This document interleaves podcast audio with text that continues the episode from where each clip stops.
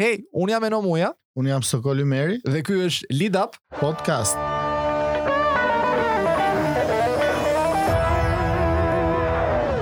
Përshëndetje, përshëndetje, përshëndetje. Ja ku jemi sërish. Përshëndetje, Eno. U rikthyem. Përshëndetje Koli. Po po, u rikthyem në episodin e radhës. Këtë herë jemi gratë dhe vajzat në leadership. Po nuk jemi vetëm sot. Ja, jo, nuk jemi vetëm, kemi, kemi...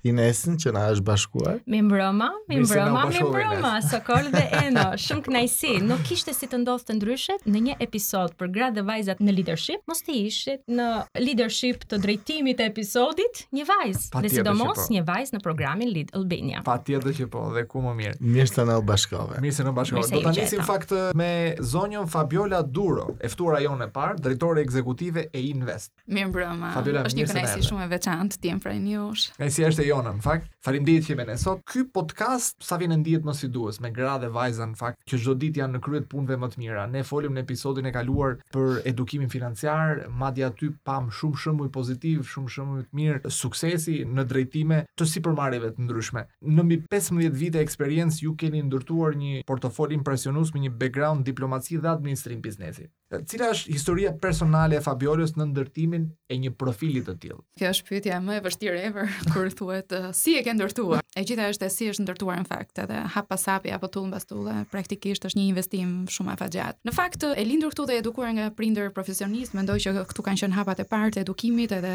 Shqipëria dhe Tirana në vetvete më ka ofruar uh, një sistem edukimi shumë të mirë edhe me baza shumë të mira. Kjo ishte edhe një nga ndër faktorët që unë vazhdova edhe deri në fakultet të studioja në Shqipëri. Por eksperiencat ndërkombëtare dhe eksperiencat kombëtare duhen shartuar herë herë për të marrë edhe eksperiencat më të mira apo suksese, raste suksesi, këtu të krijosh edhe një network shumë më të gjerë, sepse sa më shumë diversifikimi të jetë edhe sa më përfshirës, aq më i bukur bëhet edhe puzzle-i, le të themi, i kombinacionit profesional apo dhe personal, ë, shpesh herë është një kombinim i leadership skills që themi ne, në akademitë tona që trajnojmë me korporatat apo dhe me targete të ndryshme që edukojmë, ne përsëri sot e kësaj dite themi që këto aftësi lindin, bëhen, zhvillohen, pra është një lloj dinamike dhe një lloj pyetje që ne gjithmonë na mbetet edhe pak akoma kureshtare. Ne mendojmë që praktikisht të gjitha këto lloj eksperiencash ty të plotësojnë atë puzzle-in e krijimit të një profesioni apo të një individi apo uni për të cilën ti prezanton apo do të udhëheqësh nesër brezat e ardhshëm apo ekipin tënd. Kështu që në këtë rast, e gjithë eksperienca ime ka ardhur sepse është mentoruar nga mentorë shumë të mirë, që është një gjë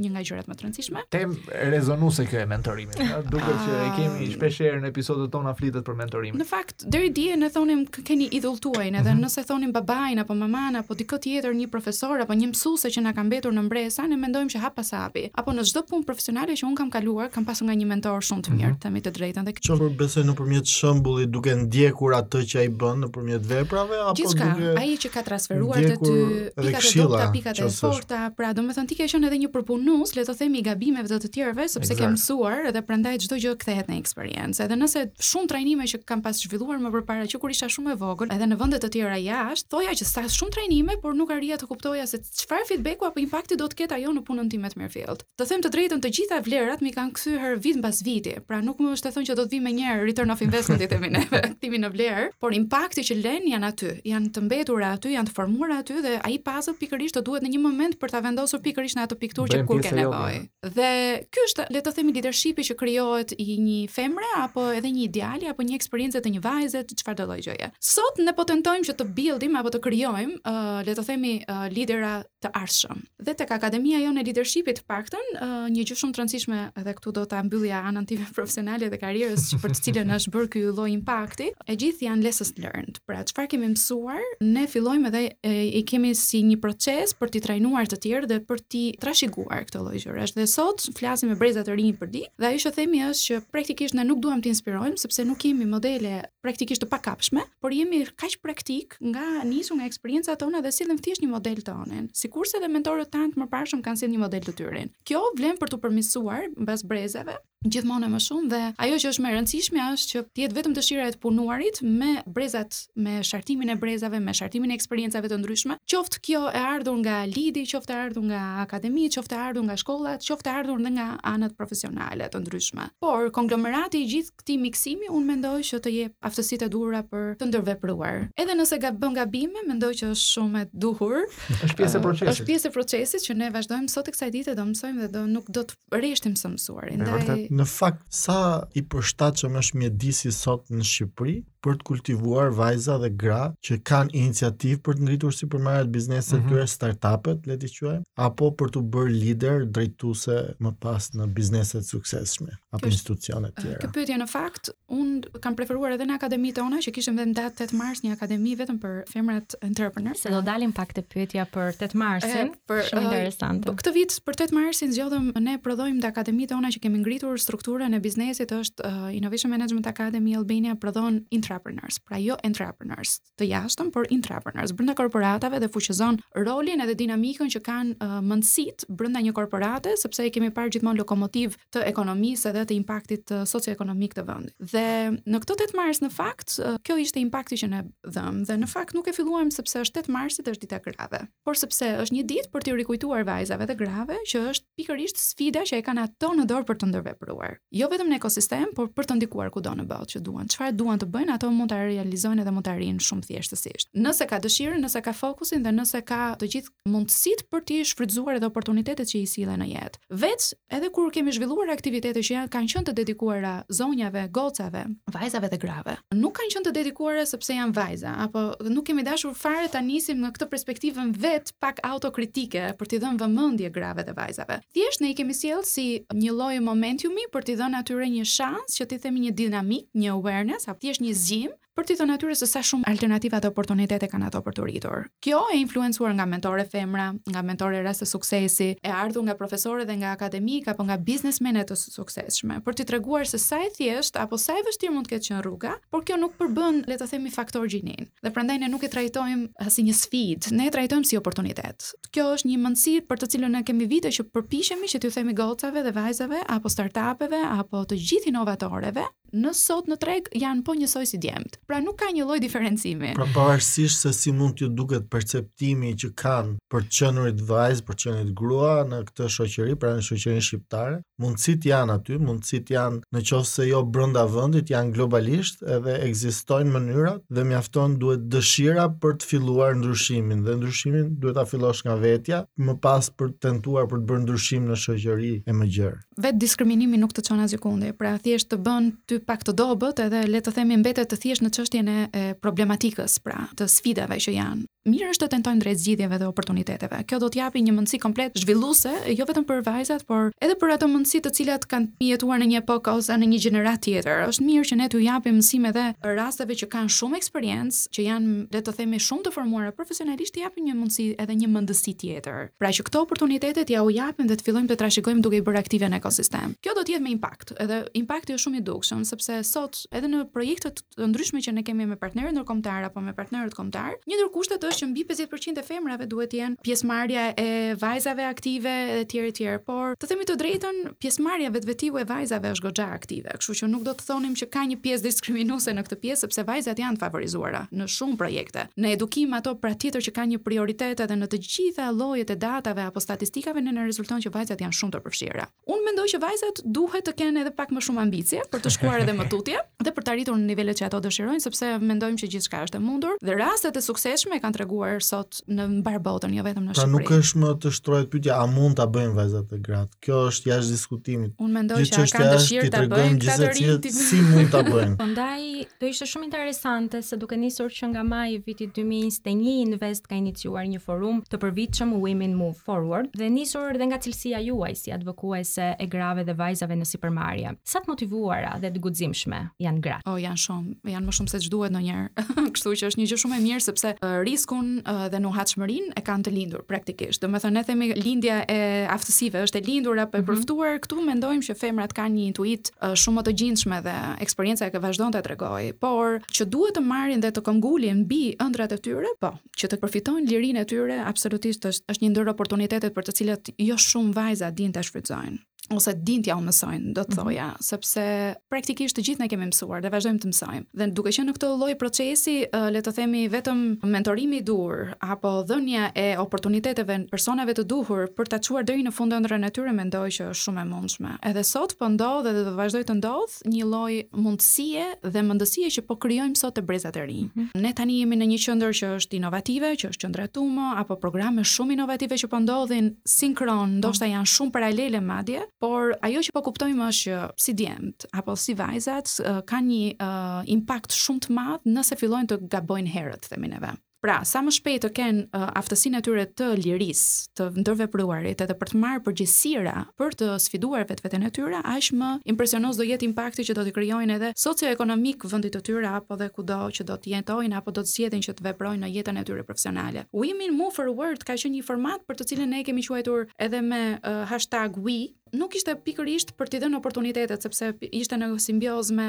BERZH-in, ishte me simbiozë me shumë organizata ndërkombëtare dhe kombëtare për t'i dhënë shembujt dhe praktika se ku mund të aplikojnë dhe se sa shumë oportunitete janë të hapura. Dhe kjo ishte thjesht një lloj advokimi që i bëmë ne të gjitha vajzave për t'i thënë që këtu janë mundësitë, e keni të drejtën ju për ta zgjedhur për ta çuar deri në fund këtë ndërveprim. Kështu që se janë vajza apo se do të jetë samiti dhe forume të tilla të shpeshta po, Patjetër që po, ndikojnë edhe lënë impaktet e tyre afatgjate, por edhe këtë vit kur do të kemi Invest Summit që ne e kemi të përvitshëm çdo tetor, të çdo viti, pra është është i përvitshëm, edhe këtë vit ne do të sjellim rastet e suksesit të femrave shqiptare në mbarë botën. Pra patjetër nuk do ia dalim dot të sjellim ChatGPT-në, meqë është edhe le të themi fashion si si hashtag, por do të sjellim, le të themi, vajza impresionuese që Shqipëria nuk i ka dëgjuar kurrë sepse po, po, praktikisht. Po le të shpresojmë, ndoshta deri atëherë gjërat mund të mund të kenë po, lëvizur edhe Mira e ChatGPT-së mund të ketë ardhur. Pra nuk vlen jo. vetëm të themi që gratë dhe vajzat duhet të jenë të forta, por mbi të gjitha të jenë të motivuara dhe të guximshme. Duhet të fitojnë lirinë e tyre për të shkuar deri në fund të ëndrrave. Shumë shumë frymëzim, unë me thënë të drejtën po e shijoj pa fund këtë bisedë. Edhe aq sa s'po më bëhet fare të bëj pyetje, në fakt vetëm po të dëgjoj. jo, po jam shumë kurioze Ëm ehm, um, duke qenë se në Shqipëri ka perceptime të ndryshme mbi 8 marsin. Ëm um, ka gra dhe vajza të cilat e celebrojnë në mënyra të ndryshme 8 marsin, po ka dhe nga ato që mendojnë se duhet të protestojnë. Si e feston çdo 8 mars ose si e mendon çdo 8 mars Fabiola? Unë si nënë një vajze së fundmi, jam shumë e lumtur sepse i bëjnë shumë mirë botës vajzat edhe do jem gjithmonë në mbështetje të vajzave. Por pa kaluar dhe tepruar feminizmin sepse edhe kjo na na çon në le të themi në atë autokritikën që i bëjmë vetvetes tonë, uh, kështu që we have to move forward thonë të gjithë. Domethënë mm -hmm. ne duhet të ecim më mhm. tutje, mm -hmm. të dalim rreth këtyre zgjidhjeve të pazgjidhshme, mm -hmm. kështu që le të ndërveprojmë edhe së bashku, kur themi së bashku, ne mund të rajsim ose mund të shkëlqejmë. Kur themi bashkë, bashkë është që realisht kjo fjala të të jetë e qenësishme. Absolutisht. Pa. Edhe të jetë e ndërveprueshme. Pra mos të jetë thjesht një moto që ne i përmendim, i mhm. përmendim, mm -hmm. por nuk gjejnë vlerë në terren apo nuk gjejnë vlerë në impakt. Kështu që secili nga ne të bëjë ato çka di të bëjë mirë, si nga gocat edhe nga çunat, por unë them që edhe çunat kanë rolin e tyre për të sfiduar gocat, por mendoj që të gjitha vajzat duhet të jenë shumë në shumë në suport të vetes tyre një herë, të vetëvlerësojnë veten e tyre për atë çka dinë dhe të impaktojnë për vendin edhe për botën dhe sa më shumë ato të duan vetveten, aq më shumë dhe bota do t'i dojë ato. Kështu që mendoj që duhet të jemi shumë të drejtpërdrejtë. Pra, mos të jemi me teoritë e thëna apo të të, të keqinterpretuara. Është mirë që ne të vlerësojmë ato që meritojnë edhe të japim vlerën që meritojnë në tavolinë apo në vendimmarrje apo në korporatë apo në drejtime, nëse ato janë të afta. Por kjo pjesa që nuk promovohen apo nuk e gjejnë vetveten apo nuk i përshtaten mjedisit sepse është tepër maskil, bota në vetvete ka një lloj teorie maskilizmi, por prapë edhe kjo është e sfidueshme dhe ka treguar historia që ndryshon, le ta ndryshojmë. Edhe po. historia po tregon që sfidohet edhe ajo, mhm. kështu që. Se në fund ditës ato janë nënat e këtyre djemve. Absolutisht. Po. Prandaj themi edhe ne jemi shumë të lumtur që jemi edhe uh, mama djemsh, po nga ana tjetër jemi shumë të lumtur që po uh, kemi edhe vajza në këtë botë që bën mirë. Për ta mbyllur pak me me një mesazh ndoshta mm -hmm. për kush do të ishte një shprehje frymëzuese që ty të ka frymëzuar në karrierë, në jetën tënde dhe do doje t'ia përcillje nëpërmjet këtij podcasti dëgjuesve tanë. Kërkoj shumë ndjesë një herë podcastit që edhe dëgjuesve që kam përdorur herë herë terma anglisht, por në fakt oh, uh, për kohë ka problem. I rri si vlera po flasim kështu. Uh, sepse dhe ne tentojmë që ta ta kalojmë atë të përditshmen e punës nga gjuha hibride, sepse vetvetiu është edhe lloji i punës, por nuk do të ta them anglisht këtë shprehje që me thënë të drejtën unë e kam si moto. Gra shumë të forta inspirojnë goca shumë të forta, kështu që unë me kaq e kam të përmbyllur të gjithë ciklin, le të themi të rritjes, zhvillimit edhe përfundimit mm -hmm. të mhm. ciklit karrierës apo të kalimit të stafetës themi neve të gjeneratave të tjera. Pra e bëni jo vetëm për vete, por edhe për brezat që do të vijnë. Ajo është më e rëndësishme. Folët për edukimin financiar etj etj, këtë ne do përpiqemi ta bëjmë dhe po s'lamë diçka mbrapa, do të jetë shumë jo impaktuese afatgjate. Pra duhet të jetë sustainable everything. Nëse nuk është e qëndrueshme, nuk kemi kryer ciklin tonë profesional për të falur dhe për t'i dhënë më shumë vendit, ekosistemit, mjedisit, njohurive të fëmijëve tanë, kështu që çdo gjë ka një lidhje në ekosistem. Kur themi në ekosistem, ekosistemi shihet si një gjë automatike, shpeshherë shihet si një makineri. Ekosistemi është puzzle i gjithçka që ne jetojmë sot. Mhm. Ajri, drita, njerëzit, ciklet e proceseve, çdo lloj gjëje është ekosistemi. Kështu që nëse ne do të lëmë një footprint ose një gjurmë tonën, do të ishte shumë e bukur sepse pikërisht këto janë ato brendet që ne do t'i lëmë këtij vendi ose edhe botës, ëh, në fund fare sepse mendojmë që sot sfidat globale janë bërë dhe lokale, kështu që mos e mendojmë sikur janë vetëm tonat tonat edhe t'i mbrojmë me fanatizëm, por çfarëdolloj gjëje do të ketë impaktin e saj. Ne të përpiqemi që t'i bëjmë gjërat konkrete dhe t'i bëjmë reale. Brezat e ardhshëm kanë gjithë mundësinë, për ta bërë më shpejt dhe më mirë, sepse pikërisht forma dixhitale ka bërë këto që të mirëshfrytëzohen. Ajo që duan sot të rinjtë që shikoj si challenge ose si sfiduese është që vetëm duhen orientuar mirë, fokusuar mirë dhe mentoruar mirë. Është shumë po, e thjeshtë edhe gjithë procesi. Mundësitë janë shumë të mëdha, janë shumë të shumta dhe vështirësia sot është të targetosh ato mundësi që ty të përshtaten më mirë. Po më besoni që ne takojmë ditë për ditë të rinj, fantastikë, si goca dhe çuna, gra edhe burra, të cilat realisht janë bërë profesionistë shumë të mirë, thjesht mjafton që t'ju bësh pak më fleksibël mendësinë e tyre për t'ju përshtatur, ose terminologjia agile, që ne në shqip i themi, faktikisht në modulet tona i themi kameleoni, pra do mm -hmm. duhet ndryshosh pak ngjyrën edhe formën ose duhet të përshtatesh sepse kohët ndryshojnë. Nëse nuk ndryshojmë neve, atëherë do të jemi ne problematikë, shumë fleksibël. Shumë të shkathët. Shkathët. Shkathët. Por uh, të bëjmë pak gjithë çuna dhe goca të shkathët. Le të inspirojmë. Absolutisht. Kaq është ajo çka mund të ndërveprojmë dhe të lëmë sa më shumë gjurmë të mundshme për brezat e ardhshëm. Fabiola shumë faleminderit. O ishte kënaqësia ime veçanërisht shumë faleminderit. Faleminderit. Ok, Nes, besoj uh, ishte një hyrje shumë interesante. Eh? Folëm për uh, gratë, zonjat në sipërmarrje, në nxitjen për të qenë pjesë e leadershipit. Tani do ta zhvendosim në një tjetër drejtim pak bisedën. Kemi dy zonja të nderuara të pranishme. Kemi zonjën Klodiana Beshku, lektore në Universitetin e Tiranës, anëtare e Këshillit Bashkiak. Mirë se erdhët. Mirë se ju gjeta. Kënaqësi që t'ju kemi mes nesh. Njëkohësisht vlen të theksohet se jeni dhe Lead alumni, apo jo? E cilës klasë? Klasa e tretë. Klasa e tretë. Jemi pak të vjetër tashmë. kemi gjithashtu dhe zonjën Ardita Bufaj, lektore në Universitetin e Arteve. Faleminderit, është kënaqësi shumë e veçantë. Edhe dua t'ju komplimentoj shumë për këtë format. Kënaqësi që t'ju kemi mes nesh. Investo tek mendja jote, investo tek të vetërealizuarit ashtu siç do ti, ashtu si ndjehesh më mirë. Investo të bëhesh aktore, modele, këngëtare, apo balerinë, vetëm nëse ti e ndjen. Jo për t'u pëlqyer të tjerëve apo për t'u pasuruar që pastaj të shpenzosh pafund te vetja po për t'u pëlqyer të tjerëve. Mos u bëj si një Barbie prej silikoni që të tjerët kthejnë kokën për të të konsideruar e për të të shijuar, por investo te vetja. që të kesh çfarë tregon e çfarë thua, që të kënaqen në shoqërinë tënde e të të duan për atë që je. Ky është një paragraf, të cilin unë e kam gjetur shumë realist, shumë frymëzues, nga profesore Klodiana Beshku, që ne sot e kemi të ftuar në podcast. Profesore Klodi, shumë kënaqësi që të kemi, të kemi sot. Si fillim, si një lead alumni e klasës 3, çfarë impaktoi tek ju programi i leadershipit? Faleminderit Ines, faleminderit edhe për këtë ftesë. Jam shumë e lumtur sot që të ndaj me ju eksperiencën time të këtij dhjetëvjeçari të fundit le të themi, si Lead alumni, po edhe si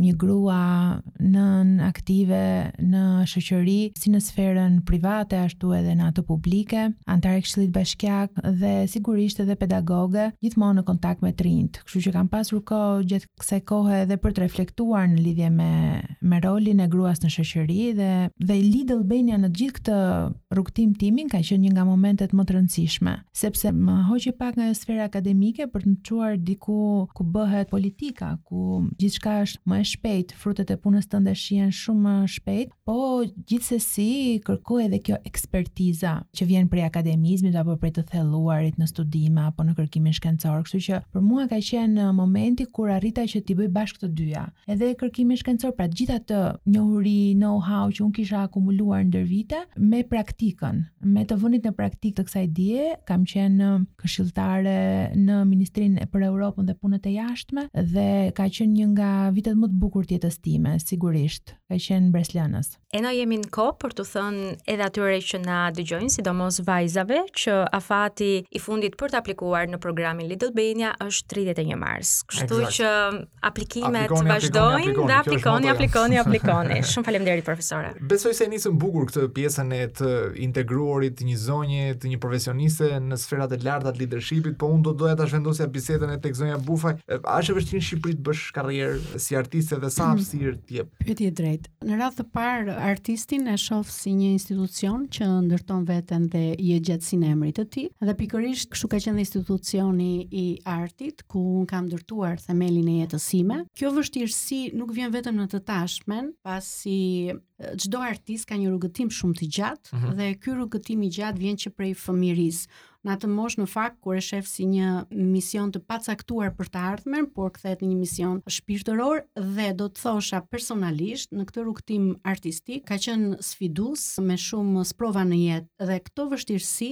më ka bërë që sot për shembull ta shoh me doza pak më të ulta, por arti dhe leadershipi I gjejmë të përbashkët? Pyetje shumë e spec. Është i pari e nos.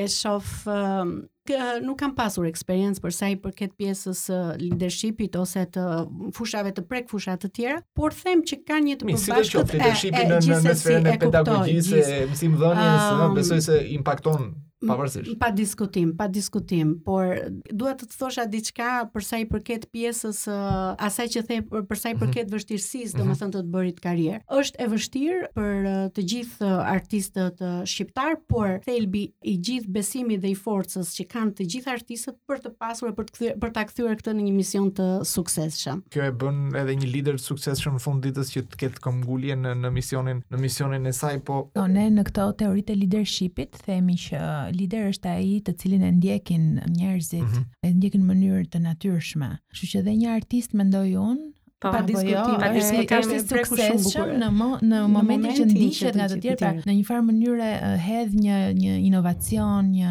rrugë të re, një një rrugë të re për t'u ndjekur, për t'u shkelur nga pasardhësit e tij, kështu që unë them që çdo artist mund të jetë lider në atë fushën e tij. Dhe edhe një shprehje shumë e bukur në fakt që thotë arti shkruan histori lirie pikërisht për këtë sepse sepse nëpërmjet vizionit edhe krijimit artisti gjithmonë e sjell të ardhmen më përpara në kohë. Flasim për lidershipin, po sa i avancuar është kërkimi shkencor në fushën e tipareve të lidershipit dhe mbi gjitha mbi pjesëmarrjen e grave dhe vajzave në vendimmarrjen politike, se dhe kjo është shumë e rëndësishme. Shumë pak. Shumë pak, faleminderit për pyetjen Eno. Madje i bëj thirrje edhe kërkuesve shkencorë që të hidhen pak në këtë drejtim, mm -hmm. pasi pothuajse nuk ka flas studime nga studiues shqiptarë për Shqipërinë apo me temë shqiptarët në botë apo shqiptaret në këtë rast, lideret gra në fusha të ndryshme. Ka disa shkrime, po janë shumë të reduktuar, shumë të kufizuar, më shumë ka publicistikë. Kërkime shkencore të mirëfillta ende nuk ka. Ka disa tema doktorature që un kam parë sepse un interesohem shpesh për këtë fushë, po janë shumë pak, janë numërohen me gishtat me gishtat e dorës. Kështu që do të ishte ndoshta një fushë e madhe dhe shumë interesante për t'u hulumtuar kjo. Ti e po. e ndjek klubin feminist të librit? Po se... Po përpiqem herë pas here. Ah, okay. Bën mirë. Profesore Klodi është një nga një nga themelueset të klubit feminist të librit dhe në fakt është një nga iniciativat publike që kanë marrë interes dhe kanë fituar vëmendje dhe nga intelektuale dhe nga gra dhe vajza të cilat janë aktive në jetën publike dhe e përgëzoj profesore Klodin se sepse përveç kontributit që ajo jep në auditore, është patjetër shumë aktive dhe për t'i mbledhur gratë dhe vajzat dhe në një pasdite për të konsumuar ide dhe interesa të cilat gratë dhe vajzat i përbashkojnë. Faleminderit Ines, ne në fakt unë mundohem ta bëj këtë edhe në klubin e librit, ju them shpesh atyre anëtarëve që na ndjekin që nëse vendos një lente gjinore Në shumë sfera të jetës, do shikosh se sa ndryshojnë gjërat, si ndryshon perspektiva apo këndvështrimi. Pra, në momentin që ti i vendos si qëllim vetes të shohësh sa të përfshira janë gratë në art për shembull, sa të përfshira janë gratë në politikë, sa të përfshira, sa të lehtë e ke ti rrugëtimin tënd për të bërë karrierë diku etj mm -hmm. etj, në krahasim me një burrë, pra duke krahasuar me një burrë, do të shikosh që këndvështrimi yt do të ndryshojë sepse do të shohësh disa problematika dhe disa çështje të cilat duket janë marrë për të mirëqena apo duket sikur nuk ekzistojnë, po në fakt Ky këndvështrim gjinor të ndihmon që t'i zbërthesh mm -hmm. këto fenomene në më shumë ngjyra dhe më shumë. Po ju jeni njohëse shumë e mirë në fakt edhe e rajonit të Ballkanit Perëndimor. Po. Jam kurioz, po besoj edhe ata që na dëgjojnë në këto momente të dinë cilat janë sfidat e ngjashme të grave dhe vajzave në vende të tjera përveç Shqipërisë në rajon. Shiko, sfidat janë shumë të ngjashme. Rajoni i Ballkanit Perëndimor është më shumë i ngjashëm se ç'mund të mendohet, sidomos mm -hmm. në mhm. mendësi, ë. Ne kemi këtë të shkuarën me një pjesë të madhe të vendeve të Ballkanit Perëndimor, të shkuarën nën Perandorinë Osmane që ka lënë gjurmë në mendësinë tonë të gjithë Ballkanit, kemi politikën e polarizuar, kemi politikën ku roli i liderit burrë është shumë i dominant, po, dominant mhm. kudo, mm -hmm ku patriarkati është kudo i, uh, i gjendur dhe në këtë aspekt ka shumë ngjashmëri, kështu që sfidat edhe vështirësitë e grave nuk e di në art, po të paktën në politikë ose në profesione të ndryshme që kanë të bëjnë me jetën publike janë shumë të mëdha sepse duket sikur nuk ka pengesa, duket sikur është gjithçka e lirë, domethënë një grua është e lirë të bëjë atë që mhm. do dhe të avancojë në karrierë, po pastaj ka pengesa që unë i quaj gjithmonë të padukshme, pengesa mendësie për shembull. Ju ka rënë rast juve që kur një grua është e suksesshme, gjithnjë suksesi i saj vihet në pikëpyetje dhe thuhet kjo shprehja kudo në Ballkan, kush e di ç'ka bërë për të arritur aty. Mm -hmm. Gjë që nuk ndodh po. me një burrë zakonisht. Prandaj them që ka më shumë mosbesim ndaj grave, uh, se sa ndaj paragjykim dhe mbi të gjitha një grua që të avancojë në karrierë, në politikë apo kudo në Ballkan duhet të marrë tipare burri. Me patjetër, sepse nëse nuk i ka këto tiparet e burrit, Pra nëse nuk është agresive, arrogante apo transmetoj vendosmëri burrnore, le të themi, ajo nuk merret në konsideratë. Dhe pikërisht ky lloj tjetërsimi i gruas bën që të mendosh që është jetojmë në Ballkan, në një ambient të dominuar nga burrat. Po ju zonja Bufaj, mendoni se ka shembuj leadershipi, shembuj pozitivë, si janë ato imazhe shembullore në fushën e artit. Ekziston ky paragjykim? E po dëgjoja me shumë vëmendje. Është ndryshe në art sepse ka vështirësi pa diskutim, po kur foli për pjesën e maskilizmit, është sepse ne skenën e prekim e prekim pothuajse që herët, edhe mhm. kuptohet që njohja jonë me publikun, emri jonë e gjitha vjen që më përpara. Për sa i përket, a më the, a ka promotor për pjesën e njerëzve mm -hmm. të persona ka shumë personalitete të cilët promovojnë uh, përafrime europianizuese dhe gjithashtu nxisin ritme të larta të progresit kulturor.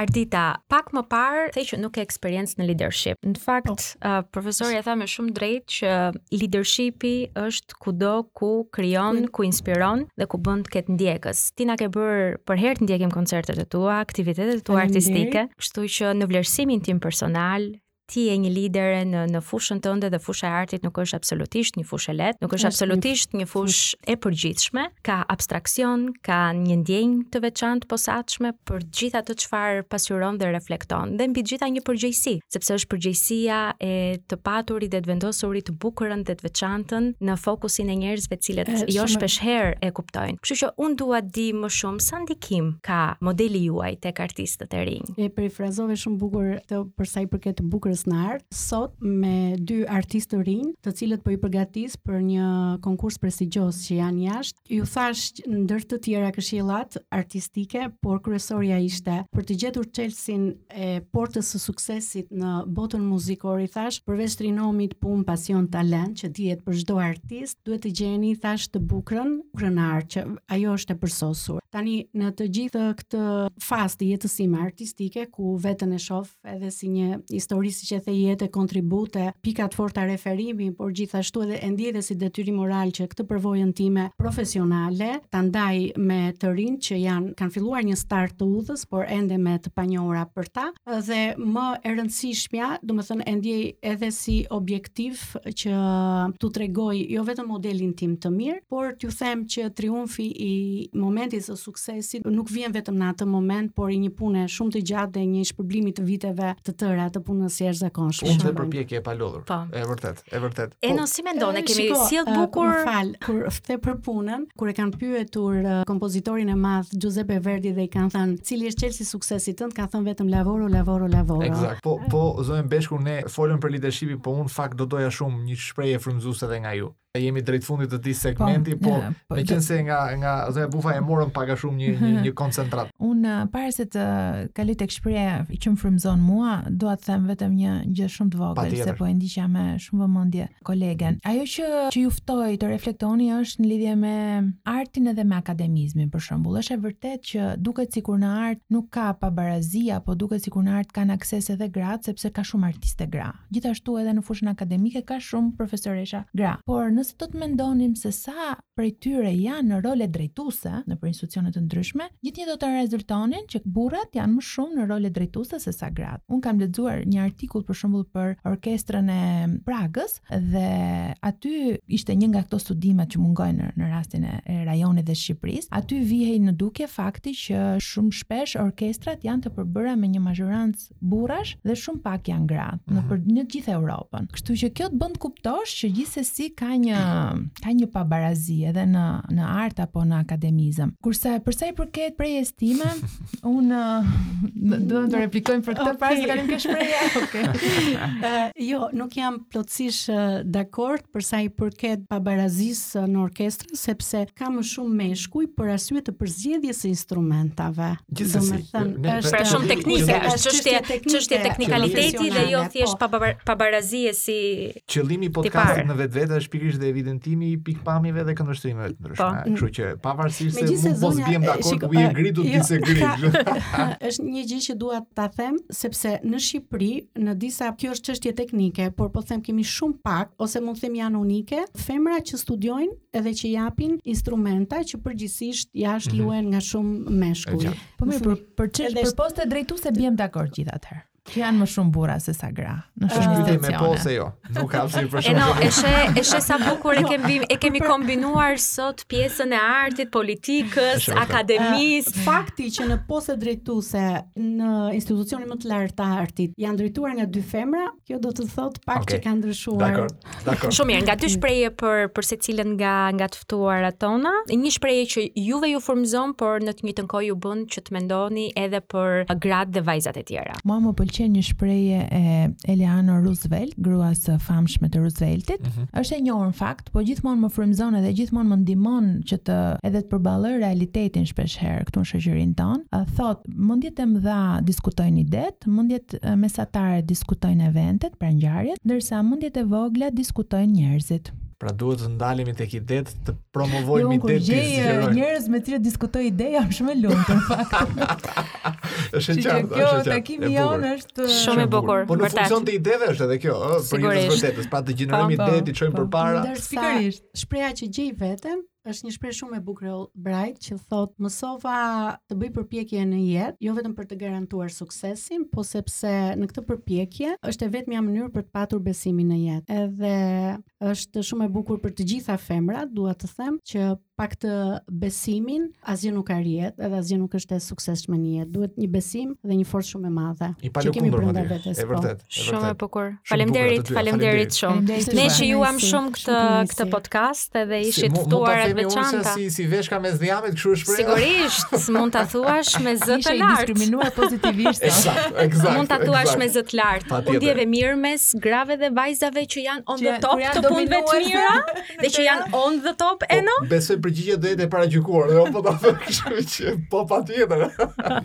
Shumë faleminderit profesor Klodi, shumë faleminderit e dashur Ardita. Suksese. Ishte sa thashë më të veçanta se përgjithësisht janë bërë të gjitha pyetjet për sa i përket uh, artit edhe eventeve të ndryshme, por vërtet ishte shumë kënaqësi. Na vjen mirë, na vjen mirë dhe ne shumë. Faleminderit. Sa bukur folëm për uh, artin, leadershipin në art, në politikë, se si kombinohet, uh, shumë interesante. No, Ardita dhe Klodi, por edhe Fabiola, sigurisht, uh, na dhanë një panoramë shumë të qartë uh, se çfarë ndodh me sfidat në art, uh, por edhe në politikë, por edhe në akademi. në Shqipëri dhe jo vetëm, edhe në rajon. E zgjeruam pak, mm -hmm. duke qenë se flasim për gratë dhe vajzat edhe deri diku ndajmë të njëjtat sfida, por edhe të njëjtat kërkesa. Do ta zhvendosim tani në sektor të ngjashëm, por jo dhe aq. Do flasim tani për ligjorin dhe artin, ë, çfarë kombinimi. Nga ligjori kemi zonjën Albana Karapanço si Senior Associate në shërbimet ligjore pranë PWC, vlen të theksohet se është dhe kryetare e Komitetit Ligjor dhe Rregullator të AmCham-it. Albana, mirë se erdhe. Mirë se ju gjeta dhe shumë faleminderit për ftesën. Faleminderit ty për kohën që i dedikove këtij podcasti dhe njëkohësisht kemi një artiste në shpirt dhe në profesion, Joana Dhiamandi apo siç preferon të quhet Dhiamandi Joana, sepse Dhiamandi ka pak dhe Joana ka shumë. Shumë faleminderit, në fakt më ke bërë hyrjen më të bukur. Se vetëm ti mund ta bëje këtë hyrje. Lid Benja Alumni, arkitekte dhe themeluese e platformës We Women. Në fakt kemi dy Lid Alumni sot, edhe Albana është e tillë. Kështu që kënaqësi dy fish t'ju kemi mes nesh. Mirë se na erdhët, Joana po e nisim me ty bisedën. Para se të nisim pyetjet rreth iniciativave dhe platformës, ë, në cilën ti ke kontribut posaçëm. Ti si një Lidl Alumni tashmë, sa mendon se ndikon një program si Lidi për gratë dhe vajzat profesioniste të reja në vendin tonë dhe për lançimin e tyre më pas në në, në projeksionet e karrierës që ato kanë. Mendoj se Lidi është një program i jashtëzakonshëm në shumë drejtime, po kryesisht do ja sugjeroja çdo vajzë dhe gruaje në moshën që jam unë ose në mosha afër uh, të këtij afër 30-tave dhe 40-tave, për shumë arsye. Mënyrat e komunikimit, mentorimi, trajnimet janë pjesë e këtij programi. Networku dhe komuniteti i cili krijohet është një mundësi dhe një komunitet që çdo vajzë dhe çdo gruaj mund të gjejë mundësi të zhvillohet, të rritet edhe të gjejë uh, elementin drejtues brenda vetes. Në fund të fundit çdo lider mund të krijohet në momentin që uh, ndodhet në kushtet edhe në uh, konditat dhe në rrethanat e duhura. Mendoj se Lidi është një nga ato programet që të jep mundësi, të jep uh, mjete, të jep uh, hapësirën dhe njerëzit e duhur për të gjetur atë që ne mund të zhvillojmë në si leadership në fusha që secila ka për të zhvilluar në mënyrë të veçantë. Uh, pak shkurtimisht edhe nga ty e dashur, Albana. Okej, okay, Lidi ka qenë një eksperiencë shumë e bukur. Uh, unë nuk e lidh shumë Lidin me të qenit vajzë, grua, djalë, burrë, të them të drejtën. Uh, mendoj ajo është e para edhe sepse me çdo gjë mendoj që programi Lid është një program që ka filluar si një eksperiment dhe tashmë është shndërruar në një lloj standardi në fakt, mm -hmm. që ata të cilët e zgjedhin në një farë pike të jetës, duan ose të bëjnë një zgjedhje ndryshe, të provojnë diçka të re, ose ju ndodh shpesh herë që kthehen dhe kjo është shumë e zakonshme te lidsat, kthehen nga jashtë dhe duan mm -hmm. të reintegrohen në tregun e punës edhe në shoqërinë shqiptare. Unë jam kjo e dyta. Edhe mua më ka shërbyer në fakt si një riintegrim, shumë i suksesshëm, shumë i po, mirë dhe i shëndetshëm. Po, suksesshëm se jo, ata ta kanë edhe mua. Jo, ka qenë një riintegrim shumë i shëndetshëm në tregun shqiptar. Në fakt, se mbas një shkëputje të gjatë, unë arrita që nëpërmjet atij programi të bëhesha pjesë e një rrjeti individësh, do quaja këtu, të cilët janë njerëz shumë profesionistë në atë që bëjnë dhe mhm. fusha të ndryshme. Lidi ka qenë një program uh, interesant, uh, një program të cilit i kam dhënë shumë edhe më ka dhënë po aq shumë dhe kujdo i cili shpesh herë në ambientin në të cilin ne jetojmë ka një lloj uh, dyshimi me atë çfarë dëshiron të bëjë, do t'i sugjeroja që Lidi është një lloj ure mm -hmm. për të kaluar nga një pikë te një pikë tjetër, është një, një vit, një trampolinë. Albana, suksesshëm. Flasim pak për lidershipin, ë, ti tashmë sikurse e thamë dhe në fillim je kryetare e Komitetit Ligjor dhe Rregullator të AmCham-it.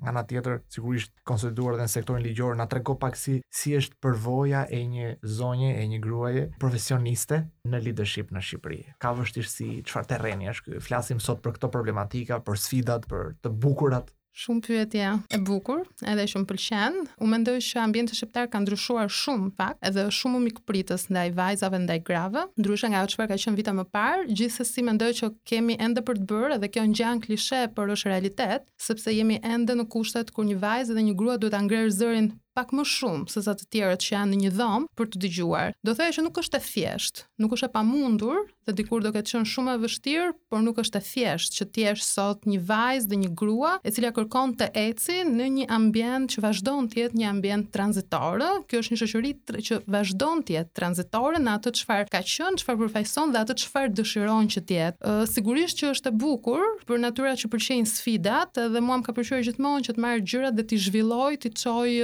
jo në fazën që i gjej, por në një fazë tjetër, deri aty ku unë mendoj që mund të jap nga vetja ime. Pozicioni në Dhomën Amerikane të Tregtisë vjen në një moment që unë mendoj kam pjekurinë profesionale, edhe si individ, edhe si vajzë, për të marrë më shumë përgjegjësi mbi veten time dhe si profesioniste. Ka sfidat e veta, sepse AmCham qëndron një organizatë goxha e fuqishme në realitetin shqiptar, që lobon fort për klimën e biznesit, kështu që Komiteti Ligjor Rregullator mbetet kyç në fakt në misionin e vet dhe në atë çfarë bën, në komentet që jep qoftë për reformat ligjore që ndodhin, apo qoftë edhe për të mbajtur qëndrime të caktuara ndaj institucioneve uh mhm. -huh. në momente decisive. Shumë e qartë Albana. Po kaloj pak tek Joana. Joanën e ndjek uh, herë pas here në në Instagram, në profilin e vet, si një artiste qelqi dhe kjo më impresionon sepse uh, Joana nuk është vetëm një arkitekte, por Joana është një artiste qelqi. Dhe si themeluese e Diamanti Studio, nëse do duhej të projektoje një instalacion e dashur për gratë dhe vajzat, dhe këtë jam shumë kurioze të di deri ku shkon abstraksioni. Na pëlqen të njohim pak më shumë botën e një krijuese si ti. Cili do ishte instalacioni që ti do projektoje për gratë dhe vajzat? Joana as pak presion, ë? Ai, jo, as presion. Jo, presioni sot është mbi ty Neno. Presion ti besoj ti je shumë i po, po, po, sfiduar sot nga gjithë ato gra dhe vajza. E, va, e vazhdoj ta them si veshka mes dhjamit. Ose i bekuar. Patjetër. Janë të dy anët. Patjetër. I ah. bekuar që ç'kene të, më Në fakt nga pyetje është pyetja ime e preferuar mm -hmm. dhe do ndaj me ju diçka që e kam ëndërr në sirtar për të realizuar, prandaj e dua shumë si pyetje dhe ka ardhur në momentin e duhur. Nuk do thosha që këtë instalacion ose këtë ide do ja dedikoja femrave ose vajzave dhe grave, është e inspiruar nga gjinia femërore dhe fjala femër për mua nuk duhet të jetë diskriminuese ose me asnjë konotacion negativ dhe i dedikohet njerëzve ose i dedikohen njerëzve krijues. Uh, gjithmonë e kam pasur dhe kam ëndërr në sirtar që uroj një moment ta realizoj që të krijoj një instalacion prej qelqit, i cili të imitojë ndjesinë që ka pasur embrioni në momentin e parë të ngjizjes. Pra, uterusi ose siç thuhet anglisht the womb. E sheh që ka lidhje me abstraksionin?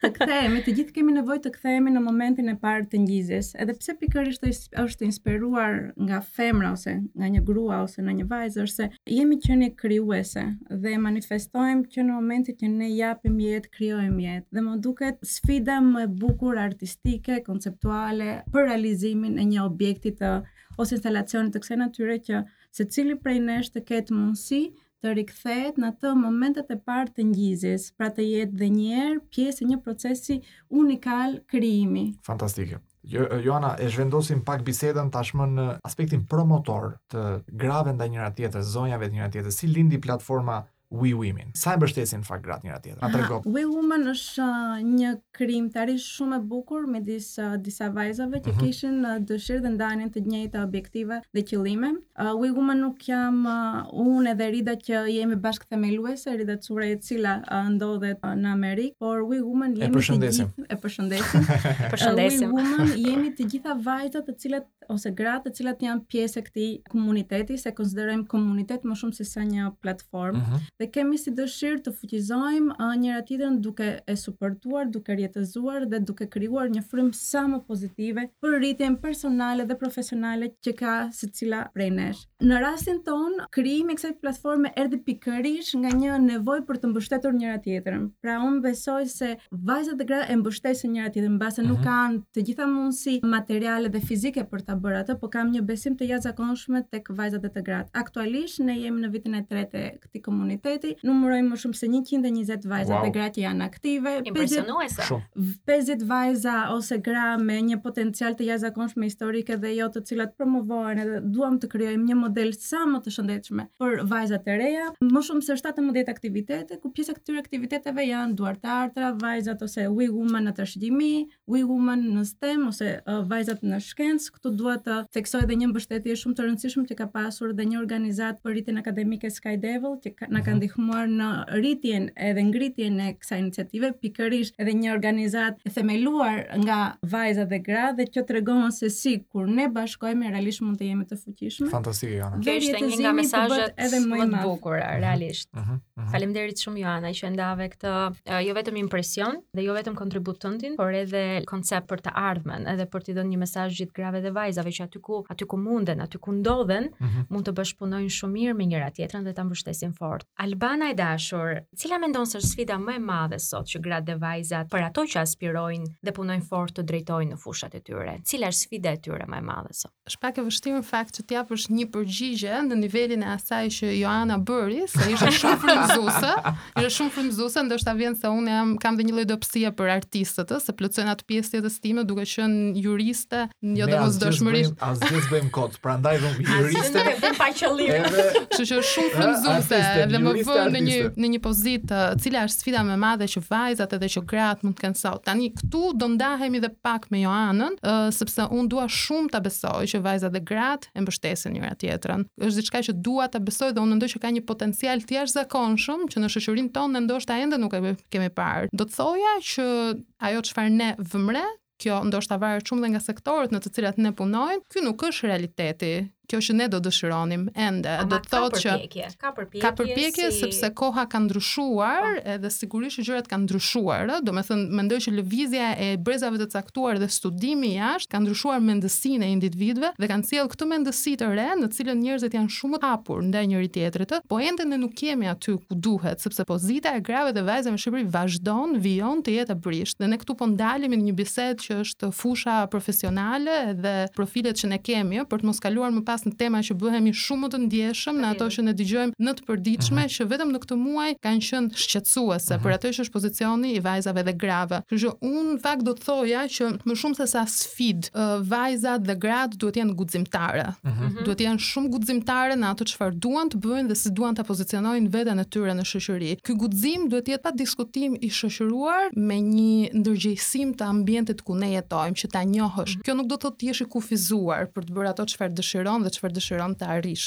për të arritur qëllimet e tua profesionale apo sociale, por duhet të jesh i ndërgjegjshëm dhe të njohësh ambientin pikërisht që t'i arrish pa dëmtuar veten në mm -hmm. asnjë lloj moment. Dhe unë mendoj që kjo është sfida më e madhe që vajzat dhe gratë në Shqipëri Kanë, sepse fatkeqësisht në pozicione drejtuese vajzat e gratë ndeshen me paragjykime. Mm -hmm. Në përgjithësi, po ta mohonim ndoshta jo, e kam edhe më herët. Në fakt, po me, me qenë se po flasim për për këto çështje dhe e, hyjmë në këtë në këto hullira, kryesisht podcasti na lejon që të bëjmë pak biseda disi edhe më intime nga natyra, po. më personale, domethënë a ka patur Albana momente që e kanë bërë të rimendojë zgjedhjet apo ka marrë mësime nga përvoja e saj në karrierë, ça ça ka marrë si vështirësi që do doja ndoshta edhe si pasojë e këtyre pësimeve ti të përçosh një mesazh pozitiv te ato që na ndjekin këto momente, që mos t'i bëjnë. Është e vërtetë. Ka pasur, um, mendoj që kanë qenë disa momente kur kam rimenduar zgjedhjet e mia, si individ kam rimenduar zgjedhjet e largimit nga Shqipëria dhe mm -hmm. më mhm. pas rikthimit. Këto kanë qenë dy momente shumë të rëndësishme në jetën time, sepse do të thotë ndryshosh tërësisht jetën mm -hmm. dhe mhm. kushdo që e ka bërë e di se çfarë vjen mbas kësaj, por unë në të njëjtën kohë jam gjithnjë besimplotë që kur vendos të marrësh një vendim, atëherë kur ke marrë një vendim, do të duhet që të bësh më të mirën e atij momenti ku je dhe duhet të arrish maksimumin në në vendin ku je. Unë e thashë më përpara dhe nuk dua të jem as përsëritëse, vajzat edhe gratë ashtu si këdo në jetën time, Përpiqem t'i inkurajoj, siç ia them dhe vetes time, për të guxuar, për të ëndërruar dhe t'i kthyer më pas në veprime ato që unë dëshiroj dhe ëndërroj. Patjetër që është e vështirë, po kjo është edhe bukuria ndonjëherë. Po, jo e pamundur. Rruga Absolutisht. Rruga më e vështirë është ajo që po. bën gjithë diferencën. Është vërtet. Ajo në fakt që më pëlqeu më shumë nga të gjitha diskurset që patëm sot me me të ftuarat tona ishte që shpeshherë ne um, i përcaktojmë gratë dhe vajzat apo u referohemi atyre si të forta, por në fakt sot më pëlqeu që ne atyre u referohemi si të guximshme. Pra po. ato duhet të jenë të guximshme. Patjetër. Dhe guximi është shumë i rëndësishëm më për kurrë, po, më shumë se kurrë, por edhe shumë i rëndësishëm për të krijuar terrenin që secila nga gratë dhe vajzat meriton, punon fort, por edhe që sakrifikon në fakt në jetën e përditshme. Ndaj dhe në mbyllje të, të bisedës së sotme unë dëshiroj nga të dyja, nga të dyja ju. Një shprehje që juve ju frymëzon. Fakt ua kemi bërë sot këtë pyetje të gjitha të ftuarave dhe është me shumë rëndësi të kemi një shprehje që ju frymëzon, por dhe që ju bën të mendoni për gratë dhe vajzat e tjera, sepse ju jeni gra dhe vajza që përveç se keni kontributin tuaj personal, e shoh që ju keni energjinë, keni ndjesinë, keni mm -hmm. përkushtimin, devotshmërinë për të qenë dhe zë publik. pra për t'i ndihmuar gratë dhe vajzat e tjera që të rrjetëzohen dhe të krijojnë impaktin që që meritojmë. Jona, mbase nuk mund t'i drejtohem me këtë shprehje uh, specifikisht vajzave dhe grave, por mua nuk duhet të pasur asnjë lloj ndryshimi, në fund të fundit jemi qenie njerëzore dhe i drejtohem të gjithëve. Sot është tema sh... gratë në leadership, prandaj. Kjo është edhe natyra feministe, arsyeja e natyrës feministe të pyetjes, kështu që. uh, kam një sh... Shprehje, do ta them dhe anglisht edhe shqip. Po greqisht do na e thuash greqisht? Me shumë kënaqësi. anglisht është uh, the world is yours, keep smiling and go on. Pra Fantastike. bota është e jotja, mjafton të buzëqeshësh dhe të ecësh. Në fund të fundit ne jemi krijuesit e realitetit dhe vetëm në momentin që e kuptojmë se sa të fuqishme jemi nga brenda na ka krijuar natyra, atëherë realisht mund të kemi dhe mund të përvetësojmë çfarëdo lloj gjëje. Dhe pikërisht për t'iu kthyer instalacionit pikërisht për të vënë në vëmendje këtë. Jemi qenie krijuese, e mhm. krijojmë ne realitetin tonë dhe mund të heqim po hedhim poshtë çdo sfidë dhe pengesë. Rëndësi ka që të kuptojmë mhm. cilat mm -hmm. janë indikatorët dhe sfidat e brendshme përtej atyre të jashtme, se mund të kemi sfida të jashtme në mënyrë të pafundme, por janë sfidat ose bllokimet që kemi ne brenda që nuk na lejojnë ne të nxjerrim potencialin mm -hmm. tonë, kështu që kuptojmë se sa magjepsëse jemi si qenie. Albana, Jep jetë, ka, s'ka gjë më të po, bukur se të japësh po. jetë, kështu që. Do ndjek njëjtën linjë të Janës në fakt. Uh, unë mendoj që bashkë mundemi edhe ka ardhur koha që edhe vajzat dhe gratë ta duan më shumë veten e tyre, të besojnë më shumë tek vetja e tyre, ta duan më shumë dhe ta mbështesin njëra tjetrën. Edhe diçka që unë ia them vetes time shpesh, nuk është momenti për të kërkuar asgjë sepse ne jemi vajza dhe gra, por sepse e meritojmë. Dhe duhet që kjo të bëj, kjo të jetë një kryefjalë në zgjedhjet që ne bëjmë, diçka kërkohet sepse meritohet, jo sepse je vajzë apo grua dhe vajzat e gratë shqiptare kanë treguar që meritojnë shumë. Absolutisht, absolutisht. Në fund të këtij diskutimi unë jam krenare jo vetëm që jam vajzë, po jam krenare dhe që uh, në Lead Albania program promovohen zëra të fuqishëm, mendje kaq të bukura, shpirtra kaq të pastër. Fundi i ditës këto janë gratë edhe vajzat, kështu që unë jam krenare që ne jemi një rrjet grash dhe vajzash në në Lead Albania, kaq inspiruese, kaq të përkushtuara, edhe që çdo ditë mendojmë se si ta bëjmë Shqipërinë dhe shoqërinë tonë edhe më të mirë, duke qenë gjithmonë në leadership. Apo jo, ne jo, shumë më të menduar se kurrë. Po dhe mendohemi ndonjëherë Ines. Të bën që të mendohesh, më shumë se kurrë. është tema të fut në, në mendime, në të thella, kur i thonë fjalës. Sot ishte një episod, pse jo, që të fton të reflektosh, a, kryesisht për një pjesë të shoqërisë tonë mm -hmm. që ka nevojë për të tilla mesazhe. Morëm mesazhe nga zonja, gra, profesioniste, femra të cilat kanë përjetuar suksesin dhe një sukses që e kanë kërkuar vetë me mish e me shpirt çdo ditë nga pak. Dhe që e kanë ndërtuar profilin e tyre vetë dhe kjo është për t'u vlerësuar. Nuk ia ka falur njeri. Pra, tema që rezonoi më shpesh dhe më shumë ishte guxoni, guxoni, pa u lodhur. Guxoni, mbështesni njëra tjetrën, kështu që mesazhet ishin fantastike. Po.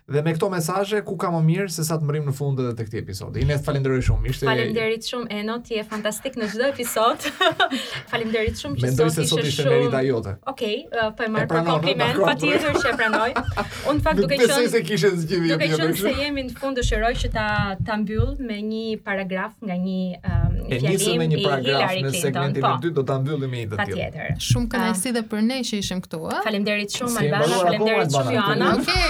Po.